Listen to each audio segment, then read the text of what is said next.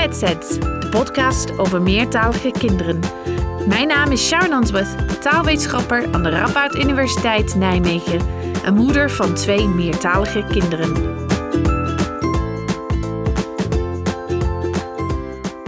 In deze aflevering van Kletset horen we weer van onze taalgids Sterre Leufkens.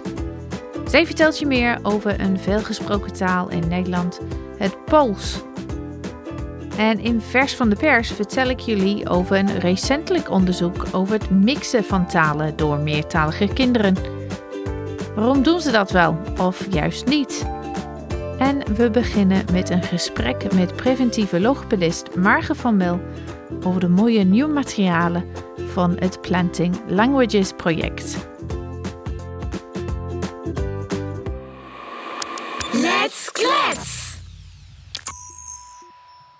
Hallo, ik ben Marga en ik werk eh, in Leiden als preventief logopedist. Preventief logopedist, wat, wat doet een preventief logopedist eigenlijk? Nou, een logopedist dat is een deskundige op het gebied van uh, spraak- en taalontwikkeling, Ja. onder andere bij jonge kinderen. Dan heb je logopedisten die kinderen behandelen als er sprake is van spraaktaalproblematiek. Maar je hebt ook logopedisten eigenlijk die juist willen voorkomen dat kinderen problemen krijgen of ze vroegtijdig willen eh, opsporen, vroegtijdig willen signaleren. En dat is eigenlijk het werk van de preventief logopedist. En hoe doe je dat dan? Nou, we komen bijvoorbeeld op verschillende locaties. Dus denk aan consultatiebureaus, waar we hele jonge kinderen zien, waarbij Mhm. de ouders of de professionals daar vragen hebben over eh, de spraaktaalontwikkeling. Bij jonge kinderen, we doen observaties in kinderopvang, waar we samen met de pedagogisch medewerkers kijken naar de kinderen, waar ook Mhm. vragen over zijn. We komen op basisscholen, ook in internationale klassen. En we geven ook voorlichting aan ouders en professionals over het verloop van de normale spraaktaalontwikkeling, maar en bijvoorbeeld ook over meertaligheid. Ja, en daarom eh, zit je hier natuurlijk. Absoluut. Hoe lang doe je dit al? Nou, ik doe dit al eh 30 jaar. Wauw. Dus we gaan al heel wat jaartjes mee. En ja, wat je eigenlijk ziet is dat er wel een eh, mooie verandering is, uiteraard. Eh. We zien eigenlijk steeds jongere kinderen. En we zien steeds meer meertalige kinderen. En ben jij daardoor dingen anders gaan doen? Zeker, ja. Uiteraard ga je jezelf ook bijscholen op het gebied van meertaligheid. Want het, het zorgt wel voor uitdagingen. In plaats van dat je één taal gaat bekijken, ga je nu alle talen die het kind heeft meenemen in de beoordeling of in de observatie. Dus dat vraagt om meer expertise en meer, meer tijd ook wel. We werken ook vaker met een tolk bijvoorbeeld, als de ouders zelf het Nederlands niet spreken maar juist wel die andere talen. Dus het zorgt absoluut voor een verrijking in, eh, in het vakgebied. Ja. Oké, je, je zei net, je, je doet eh, observaties bij kinderen op de opvang of op school. Ga je dan ook in gesprek met de ouders? Ja, zeker. Als het om meertalige kinderen gaat, eh, heb je natuurlijk de ouder nodig om meer informatie te kunnen krijgen over hoe het gaat in de thuistaal of thuistalen soms. Dus na zo'n observatie of een screening of een consultatie op het consultatiebureau gaan we uiteraard in gesprek met ouders. En eigenlijk merkten we in de afgelopen jaren dat ehm, ouders zelf ook vaak onvoldoende informatie hadden over ja, wat komt er nu eigenlijk allemaal kijken bij meertalig opvoeden. Ja. Dus je, ze krijgen informatie vanuit eh, nou, de kinderopvang, maar ook vanuit de huisarts of nou, ze horen op tv dingen. Maar vaak hebben ze niet altijd de goede informatie om keuzes te kunnen maken van wat belangrijk eigenlijk is voor hun gezin en voor hun specifieke situatie. En hoe ga je daarmee om dan? Nou, ik, we kregen eigenlijk twee jaar geleden een hele mooie kans om mee te gaan doen aan een eh, Europees project, Planting Languages. Het is een project waarbij we samen met eh, taalexperts uit andere landen een set materialen hebben ontwikkeld die meertalige ouders van hele jonge kinderen kunnen gebruiken om te gaan nadenken eigenlijk van hé, hey, wat is er nodig eh, voor een meertalige opvoeding in ons gezin? En wat, wat voor materialen zijn dat dan? Nou, je moet bijvoorbeeld denken, we hebben een soort boekje gemaakt, een soort stappenplan, wat je samen met ouders of eventueel ouders alleen ook kunnen doornemen. Waarbij je gaat kijken van, goh, welke talen zijn er eigenlijk in ons gezin? Welke talen vinden we belangrijk om door te geven aan ons kind? Maar vooral ook te gaan kijken van, nou ja, wat is daarin uh, haalbaar? Wat is reëel? Wat is daarvoor nodig? Hmm. Om een taal te leren is het belangrijk dat je die taal ook kunt spreken. Nou, vaak zie je dat uh, een minderheidstaal of een taal die thuis gesproken wordt, niet zomaar door heel veel mensen in de omgeving ook gesproken wordt. Dus dan moet je Ja. actief gaan zoeken van hoe kunnen we toch die taal ook uh, ja, actief gaan inzetten. Dus je gaat samen met ouders kijken van wat is er nodig om die taal tot ontwikkeling te doen komen. Hoe doe je dat in de praktijk? Wat zijn de, de doelen eigenlijk daarin op de wat kortere termijn, maar ook vooruitdenken van wil je straks ook je kind leren lezen en schrijven in een bepaalde taal. Dus zo ga je samen met ouders eigenlijk die stappen doornemen om te komen tot een, een taalplan. Maar daarnaast, want we weten, het is natuurlijk een heel flexibel en dynamisch proces, meertalig Ja. opvoeden. In de loop der jaren veranderen dingen. Ouders kunnen Zeker. gaan eh, verhuizen, er komt een broertje of zusje bij. Kind gaat naar school of een peuterspeelzaal. Dus dan verandert de situatie steeds. Dus we hebben ook materialen gemaakt om ouders te helpen om telkens weer eventjes terug te kijken op hoe gaat het nu eigenlijk? We hadden een plan gemaakt. Werkt dat nog voor ons? Zijn er dingen die we moeten aanpassen? Ze bijstellen. Ja, en als het Ja. kind gaat praten, dat je ook gaat kijken van goh, hoe gaat het met die taalontwikkeling in de verschillende talen? Eh, en alert blijven op eh, of daar extra ondersteuning voor nodig is, ja of nee. Ja, en ik weet dat die materialen die zijn allemaal gratis beschikbaar. Klopt, ja. We zullen de, de website in de show notes zetten. ja. Zijn het materialen die ouders gewoon zelf kunnen downloaden en zelf invullen? Of is het de bedoeling dat ze samen met een, een logopedist of een andere professional aan de slag gaan? Nou, de, de website is zo gemaakt dat in principe ouders daar zelf ook mee aan de slag kunnen. Alles is te downloaden, ook digitaal in te vullen. We hebben bewust gekozen ook om bij al die stapjes, bijvoorbeeld in het stappenplan, video's op de website te zetten van, waarin andere ouders vertellen over hun ervaringen met meertalig opvoeden. Materiaal is ook beschikbaar in meerdere talen, dus dat helpt ook. Wel welke talen? Talen die er nu op staan zijn eh, het Engels, het Pools, het Grieks, het Frans en Nederlands. En we willen het graag uitbreiden met meerdere talen uiteraard. Dus ouders kunnen er zelf mee aan de slag. Maar ik kan me ook voorstellen dat ouders daarbij de hulp eh, inroepen van een, een professional, een logopedist of iemand anders met expertise op het gebied van meertalige ontwikkeling. Om samen eigenlijk het stappenplan in te gaan vullen. En ik neem aan dat professionals dat materiaal ook kunnen downloaden en zelf inzetten in hun gesprekken en in consultaties met meertalige gezinnen. Klopt. We hebben op de website een deel gemaakt met materialen voor ouders. En een deel met materialen voor professionals over hoe ze dit kunnen gebruiken. Ja, en, en behalve dan de prachtige materialen van Planting Languages, wat voor andere tips heb je voor ouders of, of logopedisten of leerkrachten zelfs? Ja, een hele, hele grote groep aan professionals en Ja. ouders. Dus alle mensen om een meertalig kind heen eigenlijk. Nou, wat wij eh, ervaren als preventief logopedisten is dat zowel ouders als professionals vaak toch nog te weinig kennis hebben over wat Ja. is nou eigenlijk normaal bij een, eh, een meertalige ontwikkeling. Ja. We merken dat er snel eh, gesproken wordt over eh, een kind met een taalachterstand. Mhm. Terwijl ik denk, ja, vaak gaat het juist om kinderen met een taalvoorsprong. Want het kind komt binnen in een peuterspeelzaal of in een school. En heeft dus al één of soms twee andere talen tot zijn beschikking. En de derde taal, of de tweede of derde taal, het Nederlands, komt ook nog tot ontwikkeling.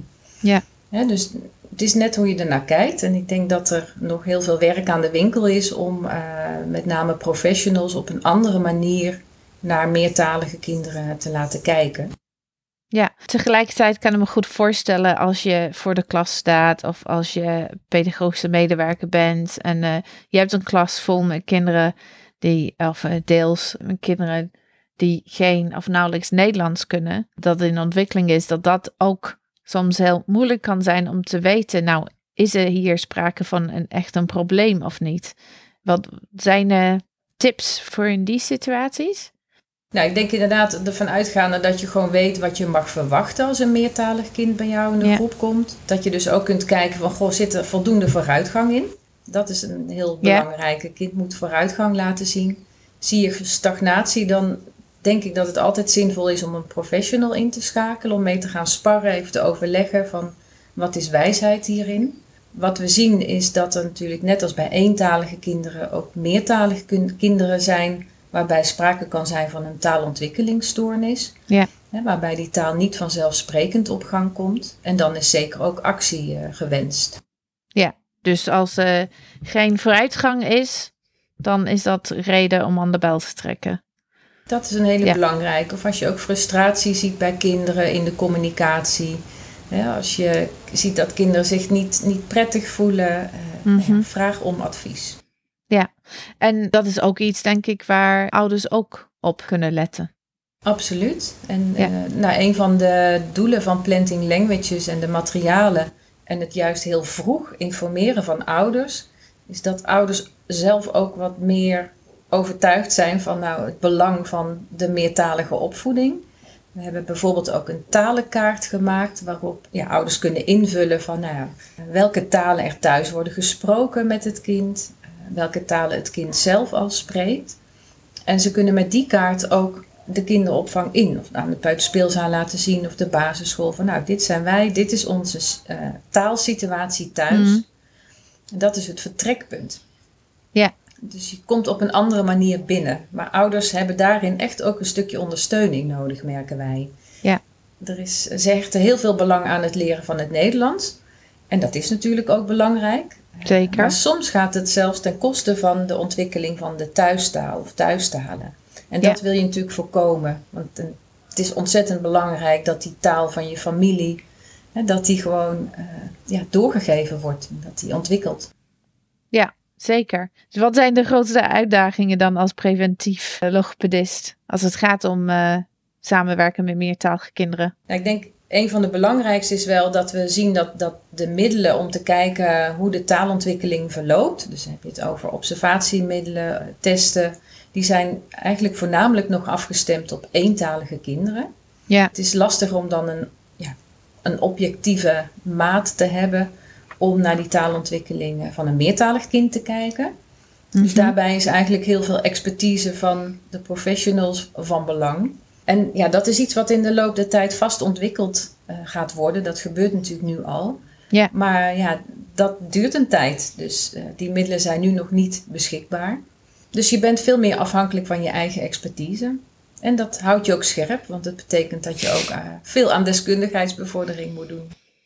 Ja, het lijkt mij wel ook heel erg uitdagend om te weten, want je bent preventief bezig. Wanneer weet je of wat jij hebt gedaan succesvol is geweest?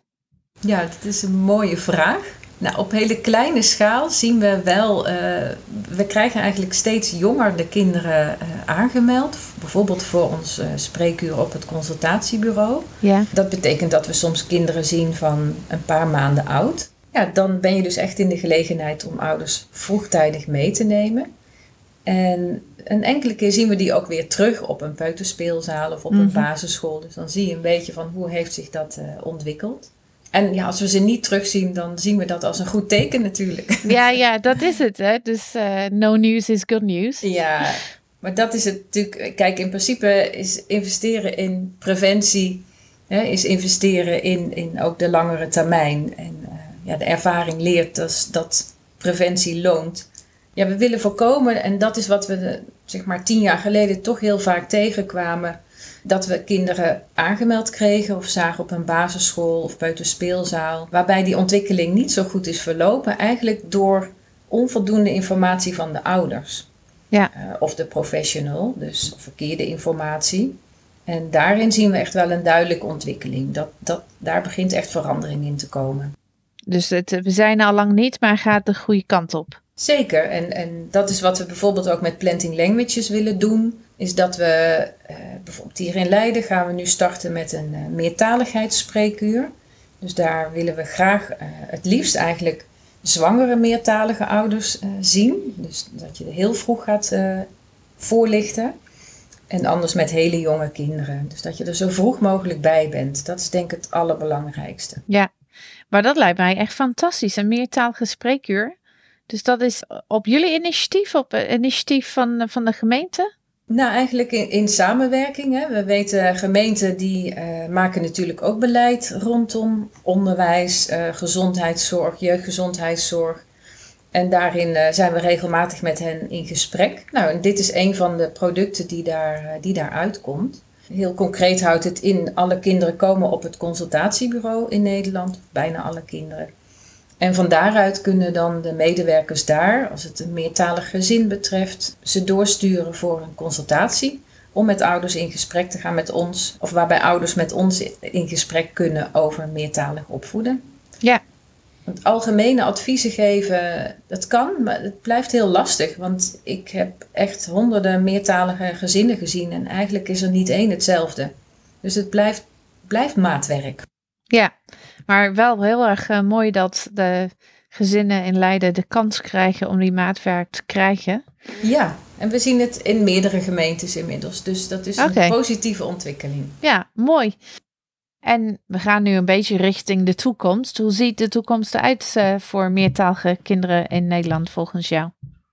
Nou, ik verwacht heel positief. Hè. Meertaligheid wordt de norm. Is in sommige steden eigenlijk al uh, de norm.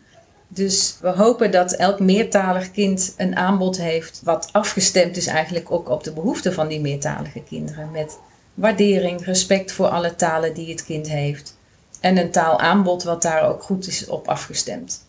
Dus ik denk op het moment dat alle professionals rondom dat meertalige kind ook uh, goed geïnformeerd zijn en goed de kennis enerzijds en de vaardigheden ook vooral anderzijds hebben om in te spelen op die meertalige kinderen, aandacht te besteden aan die grote talendiversiteit die we in Nederland hebben, dan uh, ja, verwacht ik dat we uh, heel veel mooie wereldburgers te zien krijgen in Nederland. Let's klets! Dank aan Marga voor dit gesprek. Ik vond het heel interessant om te leren wat een preventieve logopedist doet. En wat een mooi initiatief in Leiden om meertalige spreekuren te houden. Ik hoop heel erg dat dit ook breder wordt opgepakt. Dus als je logopedist bent, misschien is het het overwegen waard om bij jouw gemeente aan te kloppen om te vragen of zoiets ook bij jullie kan. Ik durf te wedden dat als je contact met Marga en haar collega's opneemt, dat ze jou graag meer vertellen over hoe het in Leiden nou precies loopt. Zoals gezegd zijn de materialen van Planting Languages gratis beschikbaar op hun website plantinglanguages.com. De link staat ook in de show notes. Vers van de pers. In Vers van de pers vertel ik je over een recent verschenen onderzoek over meertalige kinderen. Ik vat de belangrijkste bevindingen voor je samen en probeer deze ook naar de praktijk te vertalen. Dit keer gaan we het hebben over een onderwerp dat bij uitstek meertalig is, namelijk het mixen of mengen van talen. Want als je twee of meer talen kent, kun je in principe altijd kiezen welke taal je gebruikt om jezelf uit te drukken. De keuze die je maakt is onder andere afhankelijk van je gesprekspartner en van de context. Dus welke taal of talen spreekt de persoon met wie je op dat moment zit te spreken? En in hoeverre staat de context het gebruik van meerdere talen toe? Meertalige kinderen moeten dit leren. En sommige kinderen lukt dit beter dan anderen. Het onderzoek waar ik jullie vandaag over vertel, vraagt hoe dit komt. Dus het onderzoek gaat over wat in het jargon taalcontrole genoemd wordt. Dat is eigenlijk een ingewikkelde manier om te zeggen dat je de juiste taal op het juiste moment gebruikt. Er zijn twee mogelijke verklaringen voor waarom dit kinderen soms niet lukt. De eerste is hun taalvaardigheid in een of beide talen. Kinderen kennen bepaalde woorden niet in een van hun talen en gebruiken dus het woord uit een andere taal. Mijn lievelingsvoorbeeld hiervoor is iets dat mijn dochter zei toen ze net begonnen was op de basisschool. Ik was blijkbaar iets vervelends aan het doen en toen zei ze: Stop, mommy, or I'll put you in de gevangenis. Jail of prison, het Engelse woord voor gevangenis, kende ze op dat moment niet. We hebben het toevallig niet daar heel vaak over thuis. Maar blijkbaar is dit wel iets dat de kinderen tegen elkaar zeggen op de school van mijn dochter. Dus dat is een voorbeeld van het mixen als je een woord niet kent in je andere taal. Kan ook zijn dat de algemene taalvaardigheid van kinderen leidt tot meer mixen. Dus als je twee talen niet zo goed ontwikkeld zijn, dan ben je misschien minder goed in staat om te controleren welke taal je met wie gebruikt. De tweede verklaring heeft te maken met wat we cognitieve controle noemen. Dus niet taalcontrole, maar cognitieve controle. Dit wordt wel eens executieve functies genoemd. Niet precies hetzelfde, maar grotendeels wel. Het gaat hier dan om vaardigheden die je in allerlei aspecten van je dagelijkse leven nodig hebt. En het zijn vaardigheden die onafhankelijk zijn van taal. Denk bijvoorbeeld aan allerlei vaardigheden die een controlerende of aansturende functie hebben. Dus plannen, focussen, negeren van onnodige informatie. Dat zijn allemaal vaardigheden die bij cognitieve controle horen. Wat heeft dit nou met mixen te maken of taalcontrole? Nou, op het moment dat je uh, moet bepalen welke taal je moet spreken als je in gesprek bent met iemand, dan moet je de andere taal negeren. Je hebt dus cognitieve controle nodig om dat te doen. Op dezelfde manier dat je dat nodig hebt als je bijvoorbeeld je telefoon pakt om iemand te bellen, maar dan zie je een berichtje van iemand anders. Dan moet je dat berichtje negeren om je doel te bereiken, namelijk dat bellen van iemand anders. Is heel veel onderzoek hierna gedaan met volwassenen. En wat er is gevonden is dat als je beter bent in bepaalde aspecten van cognitieve controle, dan is het minder waarschijnlijk dat je per ongeluk de verkeerde taal gebruikt. Dus bijvoorbeeld dat ik Nederlandse woorden zou gebruiken met mijn Engelstalige moeder, die geen enkel Nederlands kan. Bepaalde contexten zijn bijzonder uitdagend en daarvoor heb je meer cognitieve controle voor nodig. Bijvoorbeeld als je in gesprek bent met twee verschillende mensen en deze mensen allebei een andere taal gebruiken, dit zou meer cognitieve controle nodig moeten hebben dan als je in gesprek bent met één persoon in één taal. Dat is dus de theorie. In het onderzoek waar ik jullie vandaag over vertel, wordt gekeken in hoeverre deze twee factoren, cognitieve controle en taalvaardigheid, voorspellen of kinderen de juiste taal gebruiken met de juiste persoon of niet. Het onderzoek is in de VS uitgevoerd door Megan Gross en Margarita Kaushanskaya van de Universiteit van Massachusetts, het Amherst en de University of Wisconsin-Madison. Ze hebben gekeken naar het mixen door meertalige kinderen tussen de 4 en 6 jaar die opgroeiden met het Spaans en het Engels.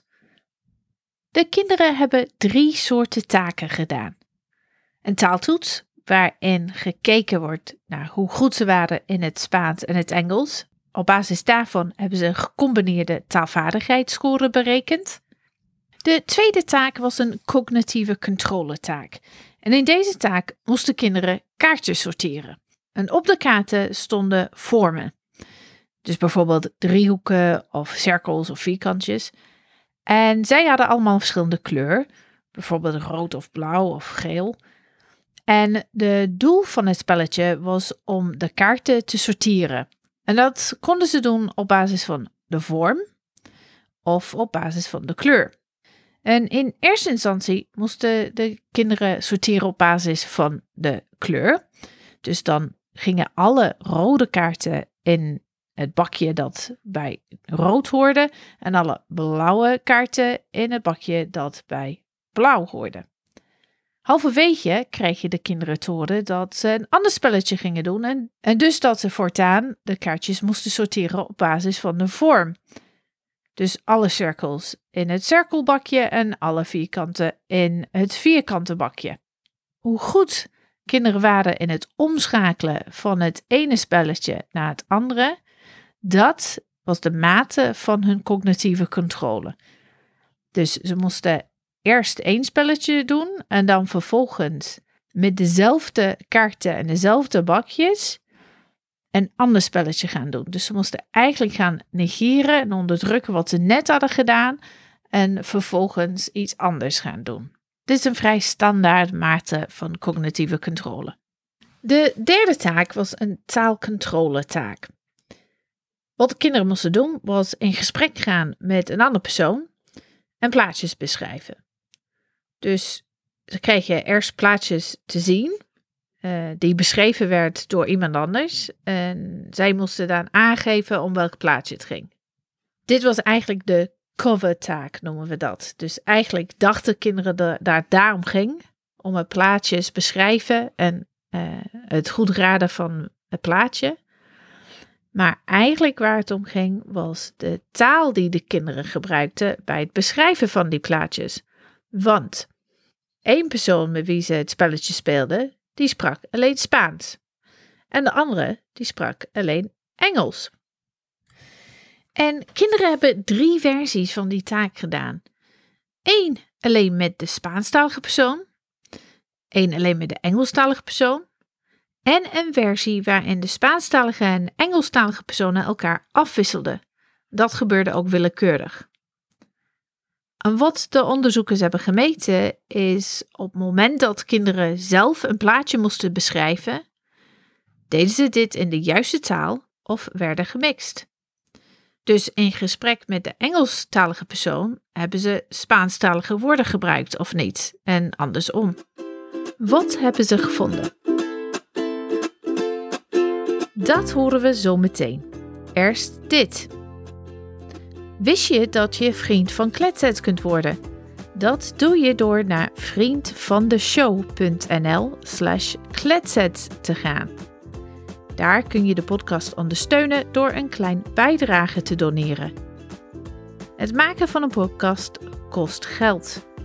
Bijvoorbeeld voor de website, voor de plek waar de podcast woont, de podcast host heet dat, en voor de app die we gebruiken om de podcast te editen. Deze kosten heb ik tot nu toe kunnen dekken met een subsidie die ik had voor een onderzoeksproject, maar dit project loopt nu af. Ook is het zo dat ik de podcast eigenlijk in mijn vrije tijd maak. Het onderwerp heeft weliswaar alles te maken met mijn werk, maar valt buiten mijn takenpakket als docent wetenschappen. Dus vind jij kletsets leuk? Heb je iets gehad aan de inhoud die ik met jullie deel? Word dan vriend van de show. Hoeveel je geeft is natuurlijk helemaal aan jou. Er wordt van alles voorgesteld door vriend van de show, maar je mag het zelf aanpassen en zelf beslissen hoeveel en hoe vaak je wat geeft. En als je niets wil geven, ook prima, want Kletset blijft gratis en overal beschikbaar. Nu terug naar de resultaten van het onderzoek naar het mixen van talen. In de taaltoets zagen ze dat sommige kinderen beter waren in het Engels dan het Spaans. Dus Engels was een dominante taal, noemen we dat. En bij andere kinderen was het juist andersom. En dit had een effect op hoeveel kinderen hebben gemixt. Dat is dus de eerste bevinding. Waren kinderen beter in het Spaans, dan op het moment dat ze een plaatje moesten beschrijven aan de Spaanstalige persoon, deden ze dit bijna altijd in het Spaans. Maar op het moment dat ze een plaatje moesten beschrijven aan de Engelstalige persoon, gebruikten ze vaak Spaanse woordjes er tussendoor. Andersom was het ook zo. Als kinderen beter waren in het Engels ten opzichte van het Spaans, dan hebben ze nauwelijks gemixt als ze met de Engelstalige persoon bezig waren, maar wel als ze Spaans moesten spreken. De tweede bevinding was dat hoeveel kinderen hebben gemixt te maken had met hoe taalvaardig ze waren in, in hun twee talen. Kinderen met een betere taalvaardigheid waren minder geneigd om de verkeerde taal te gebruiken. Of ze alleen bezig waren met de Engelstalige of de Spaanstalige persoon, of ze moesten afwisselen tussen de twee, dat maakte niet uit. Taalvaardigheid had hier geen invloed op. Dus de tweede bevinding was dat hoe beter een taalvaardigheid, hoe minder er werd gemixt. De laatste bevinding was dat cognitieve controle ook een rol speelde bij het wel of niet mixen. Dus als kinderen moesten afwisselen tussen de Engelstalige en de Spaanstalige persoon, werden meer gemixt door kinderen met minder goede cognitieve controle. Of andersom, als kinderen beter cognitieve controle hadden, waren ze beter in staat om de juiste taal te gebruiken met de juiste persoon. Ik denk dat het belangrijk is om hierbij te zeggen dat het gaat om een relatie tussen het mixen en cognitieve controle. En op basis van dit onderzoek kun je niet zeggen of de ene de andere veroorzaakt. Wat kun je als ouder uit dit onderzoek halen? Het mixen van talen is zeker normaal als het gaat om het mixen van de dominante naar de niet-dominante taal. Dus als kinderen beter zijn in de ene taal dan de andere, zal je waarschijnlijk meer mixen horen van de betere taal en de zwakkere taal. In dit onderzoek werd dominantie bepaald onder andere door de taalvaardigheidsscores in beide talen, de voorkeurstaal en de hoeveelheid taalaanbod dat kinderen te horen kregen. Het is leuk ook om te weten dat het niet alleen om taalvaardigheid gaat, maar ook om algemene cognitieve vaardigheden. Vaardigheden die in de loop der jaren zich ook ontwikkelen. Dus niet gelijk de conclusie trekken: oh, mijn kind mixt veel, dus moet hun cognitieve controle minder goed zijn. Ik denk dat het ook belangrijk is om te benadrukken dat mixen heel normaal is en geen reden tot zorg. Er zijn allerlei factoren die hier een rol bij spelen. Naast de twee die in dit onderzoek zijn onderzocht. Wil je daar meer over? Luister dan naar de aflevering met Alma Blom over mixen in, de eerste, in het eerste seizoen van Kletsets. Wat kun je als leerkracht of logopedist uit dit onderzoek halen? Kinderen die dominant zijn in de thuistaal zullen misschien meer geneigd zijn om te mixen als ze Nederlands spreken. Ook al spreek jij als leerkracht of logopedist alleen Nederlands met ze. Als ze dit op school daadwerkelijk doen, is maar de vraag. Want kinderen leren vaak heel snel dat dit, op de meeste scholen tenminste, niet de bedoeling is. Verder is het denk ik geen directe conclusie uit dit onderzoek voor leerkrachten of logopedisten. Maar we weten uit ander onderzoek dat het toestaan van thuistalen op school, mixen dus, dat dat juist de kinderen die minder taalvaardig zijn in het Nederlands kan helpen, niet alleen om het Nederlands te leren, maar ook om de lesstof beter te begrijpen. En het kan ook voor meer zelfvertrouwen verzorgen. Wil je hier meer over weten? Luister dan naar aflevering 3 van het tweede seizoen van Kletset met Joanna Duarte. Dan hebben we het over het gebruik van de thuistalen in het onderwijs. Alle details over het onderzoek waar ik jullie vandaag heb over verteld staan in de show notes. Hij is gratis beschikbaar online, dus zou je het willen, zou je hem ook zelf kunnen gaan lezen. We sluiten deze aflevering af met onze taalgids Sterre Leufkens. De taalgids. Hoi allemaal. Vandaag vertel ik jullie meer over een taal die veel gesproken wordt in Nederland, namelijk het Pools. Op dit moment wonen er ongeveer 250.000 mensen met een Poolse herkomst in Nederland. Het Pools is wereldwijd gezien best wel een grote taal. Het heeft namelijk ongeveer 40 miljoen sprekers. De meeste daarvan wonen in Polen zelf, maar er wonen ook veel sprekers van het Pools in de VS en in de landen van de voormalige Sovjet-Unie. Het Pools is een West-Slavische taal en dat betekent dat het verwant is, familie is van onder andere het Tsjechisch en het Slovaaks. Dus die talen lijken een beetje op elkaar. Het Pools wordt geschreven in het Poolse alfabet. Dat lijkt erg op het Latijnse alfabet dat we gebruiken voor het Nederlands. Maar er zijn wel een paar verschillen. Er zijn letters die extra tekens hebben, bijvoorbeeld een accentje erboven of een haakje aan de onderkant. Wat opvallend is aan het Pools, is dat je een aantal klanken hebt die lijken op de Nederlandse S en Z, maar toch net anders zijn. Om deze klanken te maken moet je je tong tegen je gehemelte leggen, maar steeds net op een andere plek. Het zijn subtiele verschillen, maar ze zijn in het Pools wel heel belangrijk. Ik ga een aantal voorbeelden laten horen. Je hoort een aantal Poolse woorden en die hebben steeds een andere beginklank. Je hoort nu eerst het Poolse woord voor veulen. Źrebię, Het woord voor schroef. śruba, Het woord voor vrouw. żona, En het woord voor ritselen. szum, En nu hoor je ze nog eens allemaal achter elkaar. Let op of je het verschil tussen de beginklanken kunt horen. źrebię, śruba, żona, szum, Je weet vast nog wel dat je bij Duits op de middelbare school naamvallen moest leren. Allemaal van die rijtjes uitgangen. Der, des, den, der, ein, einer, etc. Nou, het Pools heeft dat ook, maar dan nog meer. Het Pools heeft namelijk zeven naamvallen. Dat betekent dat een woord er anders uitziet afhankelijk van zijn functie in de zin. Dus als onderwerp heeft het een andere vorm dan als leidend voorwerp of als meewerkend voorwerp bijvoorbeeld. Een groot verschil tussen het Pools en het Nederlands dat zit hem in de werkwoorden. In het Pools kun je namelijk aan elk werkwoord zien of het om een handeling gaat die een tijdje duurt, of eerder om een punt in de tijd. In het Nederlands kun je dat verschil ook maken. Denk maar aan het verschil tussen ik las een brief, een soort punt in de tijd, en ik was een brief aan het lezen. Dat duurt een tijdje, daar ben je even mee bezig. Maar als je Nederlands spreekt, is dat verschil tussen die twee niet zo heel belangrijk. In het Pools is dat dus wel heel belangrijk. Je moet het verschil bij elk werkwoord maken en je moet altijd de goede kiezen. Zoals je misschien wel weet, heeft het Nederlands drie lidwoorden: de, het en een. Het Pools heeft er geen enkele. In het Nederlands gebruik je die lidwoorden onder andere om duidelijk te maken of een woord al bekend is of nog niet. Vergelijk maar eens de volgende zinnen. Ik ga een auto kopen of ik ga de auto kopen. In het eerste geval, ik ga een auto kopen, dan ga je dus een of andere auto kopen, maar welke dat precies is, is niet duidelijk of niet relevant.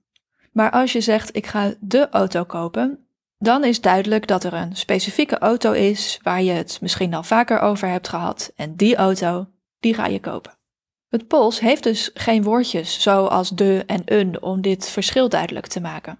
Maar je kunt in het Pools dat verschil gelukkig wel op andere manieren uitdrukken. Bijvoorbeeld met je intonatie of door de plaats waar je het woord in de zin zet. Heb jij Poolstalige leerlingen in je groep? Dan wil je misschien wel een paar Poolse woorden leren. We beginnen met een paar belangrijke groeten. De informele groet, dus zeg maar hoi, is in het Pools. Cześć. Cześć. Cześć. En er is ook een iets formelere groet, een soort goedendag. En dat klinkt zo. Dzień dobry. Dzień dobry. Dzień dobry. Dan gaan we verder met de woorden voor ja en nee. Het Poolse woord voor ja is Tak. Tak. Tak. en het Poolse woord voor nee. Nie. Nie. Nie. Als je iemand wilt bedanken in het Pools, dan zeg je Dziękuję. Dziękuję. Dziękuję. nu gaan we tellen in het Pools. Het woord voor één is Jeden. Jeden. Jeden. het woord voor twee is Dwa. Dwa. Dwa. en Pools voor het getal drie is Trzy. Trzy. Trzy. als je weggaat, dan zeg je in het Pools tot ziens. En dat klinkt zo. Do widzenia. Do widzenia. Do widzenia. de taalgids.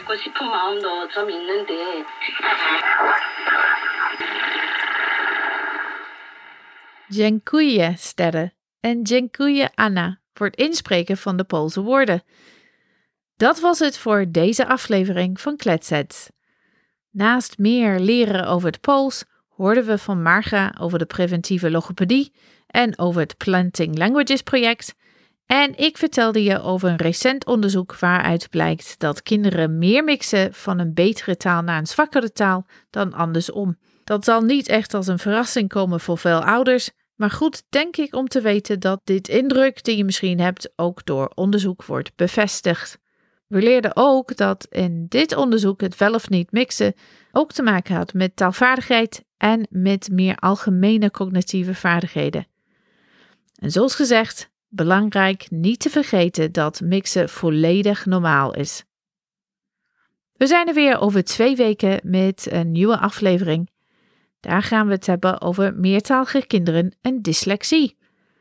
En jullie krijgen dan ook het tweede klets inkoppertje te horen. Tot dan!